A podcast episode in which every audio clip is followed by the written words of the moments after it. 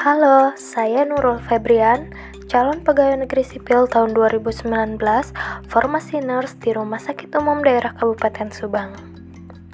Pada rekaman kali ini, saya akan memaparkan resume materi tentang analisis isu kontemporer. Penjelasan pertama adalah tentang konsep perubahan. Menurut Charles Handy, 1997, kita akan membuat kesalahan bila kita beranggapan bahwa masa depan adalah kelanjutan masa lalu. Sebab masa depan itu akan sangat berbeda dengan masa lalu. Kita harus meninggalkan cara lama agar kita sukses menghadapi masa depan. Kedua, Undang-Undang ASN.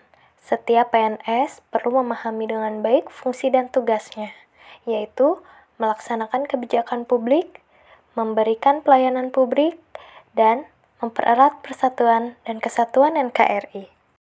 Ketiga, menjadi PNS yang profesional. Apa yang harus dilakukan?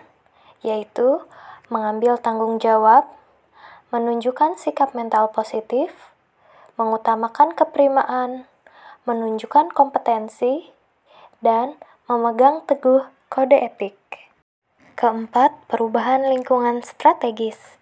Ada beberapa level lingkungan strategis, di antaranya individual, family, community or culture, society, dan yang terakhir, global. Kelima, modal insani dalam menghadapi perubahan lingkungan strategis, yaitu modal intelektual, modal emosional, modal sosial, modal ketabahan, modal etika, dan modal kesehatan. Keenam, isu-isu strategis kontemporer. Di antaranya, korupsi, narkotika, terorisme, money laundering, proxy war, cybercrime, hate speech, dan hoax.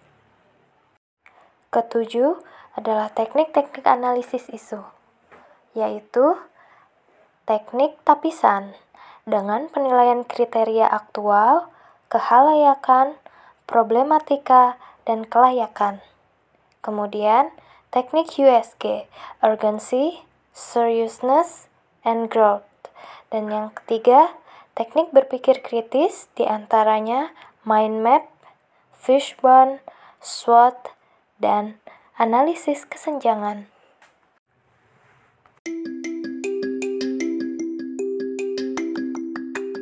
Berikut telah dipaparkan resume materi tentang analisis isu kontemporer. Saya, Nurul Febrian, perawat Rumah Sakit Umum Daerah Kabupaten Subang, mohon pamit.